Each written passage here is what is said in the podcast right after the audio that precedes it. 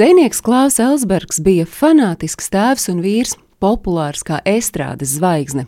Jā, tas izklausās neticami, bet 80. gadu Latvijā tas bija iespējams. Klāvs bija darītājs, pāri cilvēka spēkiem, un iespējams tāpēc jau 23 gados viņš sāka sirmot. Par klāva Elsberga aiziešanu mūžībā joprojām īstas skaidrības nav. Ir versijas, pieņēmumi, patiesu faktu trūkst. 1987. gada janvāra un februāra mīju Klāvs Elsbergs pavadīja dubultu rakstnieku namā, lai varētu pilnībā pievērsties radošajam darbam. Zināms, ka viņš tur rakstīja dzējoļus, tulkoja Viktora Igo 93. gadu, reizēm arī esot apciemojis ģimeni un darba dēļ braucis uz žurnāla avots redakciju. Nekas neliecināja, ka dzinieks būtu nomākts vai vēl jau mazāk pašnāvnieciski depresīvs.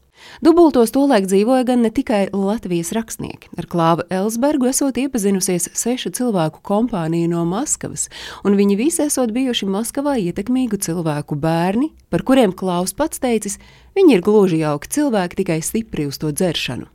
Klāva Elsberga aiziešanas stāsts klasificējas kā vīns un sievietes. Pasēdējuši, iedzēruši pa glāzē konjaka, divas jaunas dāmas aizgājušas pie klāva dzējoļus klausīties.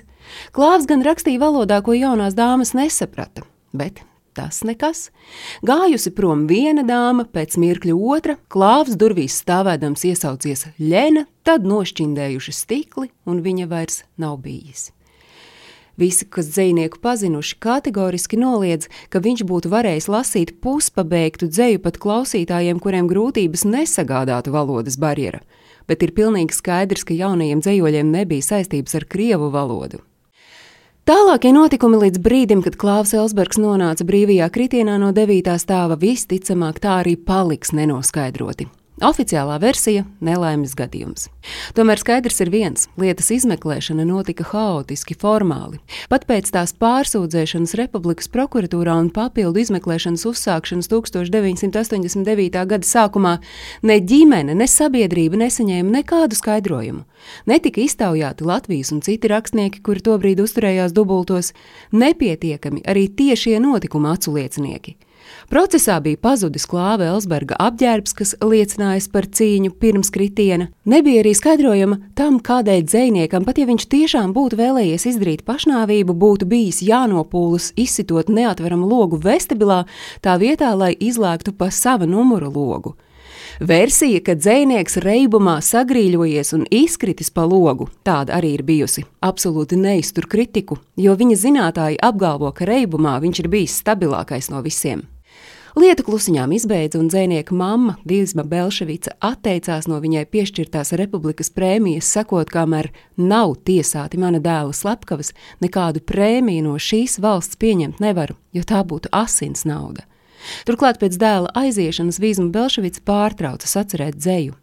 Notiesāt par noziegumu nevienu tagad jau vairs nav iespējams, gan noilguma dēļ, gan tādēļ, ka notikuma tiešie dalībnieki esot miruši un arī atrisināt lietu. Šī paša iemesla dēļ vairs nevar. Bet palika trīs dzīslas krājumi. Klāva Elsberga raksti trīs sējumos, kas aptver ne tikai viņa dzēju, bet arī īsprozu rakstus un recenzijas par literatūru, vēstules un dziesmas ar viņu vārdiem. Pagalmā manā ir burvelis maziņš, pazūd jau tajā un kretīni daži tomēr ir kretīnu daudz. Citi nāk vietā ar mašīnām brauc. Pasaulē tomēr ir kretīnu daudz. Citi nāk vietā ar mašīnām brauc. Pasaulē tomēr ir kretīnu daudz. Citi nāk vietā ar mašīnām brauc. Um, papa, um, papa, la, la, la.